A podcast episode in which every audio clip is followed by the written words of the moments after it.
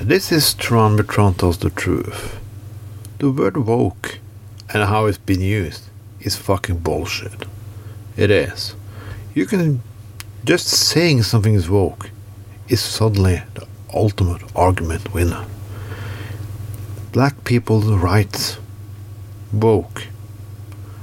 Women's history woke. Gender equality woke. Gay and lesbian rights woke. Woke, woke, woke. But it's always been like this. For many years during the 50s and 60s and so on and so on, you can be called a communist, certainly for doing anything. Long haired people, communist. People who fought for, yeah, the black human civil rights, communist. It's very funny that you argue against undemocratic powers as communism, but you say that human rights is communism.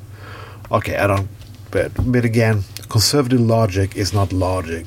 It's something that just put a, found in the deepest depth of their own asshole. I hate the word book. It's always funny when conservatives discover things that we already knew. Some is now have discovered that Rage Against the Machine was provocative because why doesn't it stop talking about politics? Well, wake up. They always did. Ice Cube also did. Dr. Dre also did. But you were just hardcore listen to gangster shit. And you always think everyone was a gangster. They do. You miss the fucking point. They criticized the police already in the 80s. But that's conservatism in a nutshell.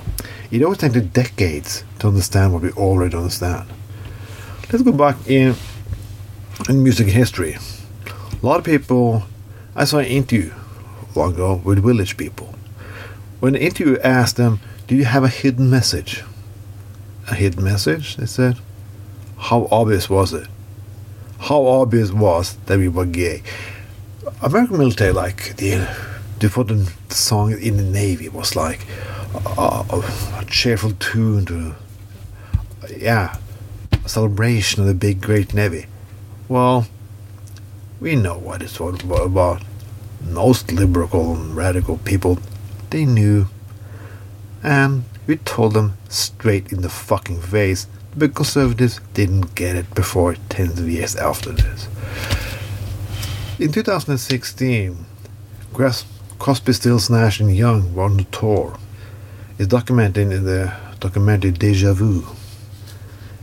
When one of the concerts, half of the audience left when Neil Young started to say, impeach the president for lying. Oh, we just come to see those flower power people. We didn't go into politics like this, the audience, some of the angry audience said. Yeah, since when did Neil Young start talking about politics? When? When has he not been talking about politics? And so on for Rusty Crosby, Stills, and Nash. They've always been political. But again, conservative, just saying something woke is also like an argument to just avoid uncomfortable topics. Yeah, it is. Like, of course, it's not pleasant to talk about racism, so we call a book. We don't like our history, who contains our killing black people, incarceration, and putting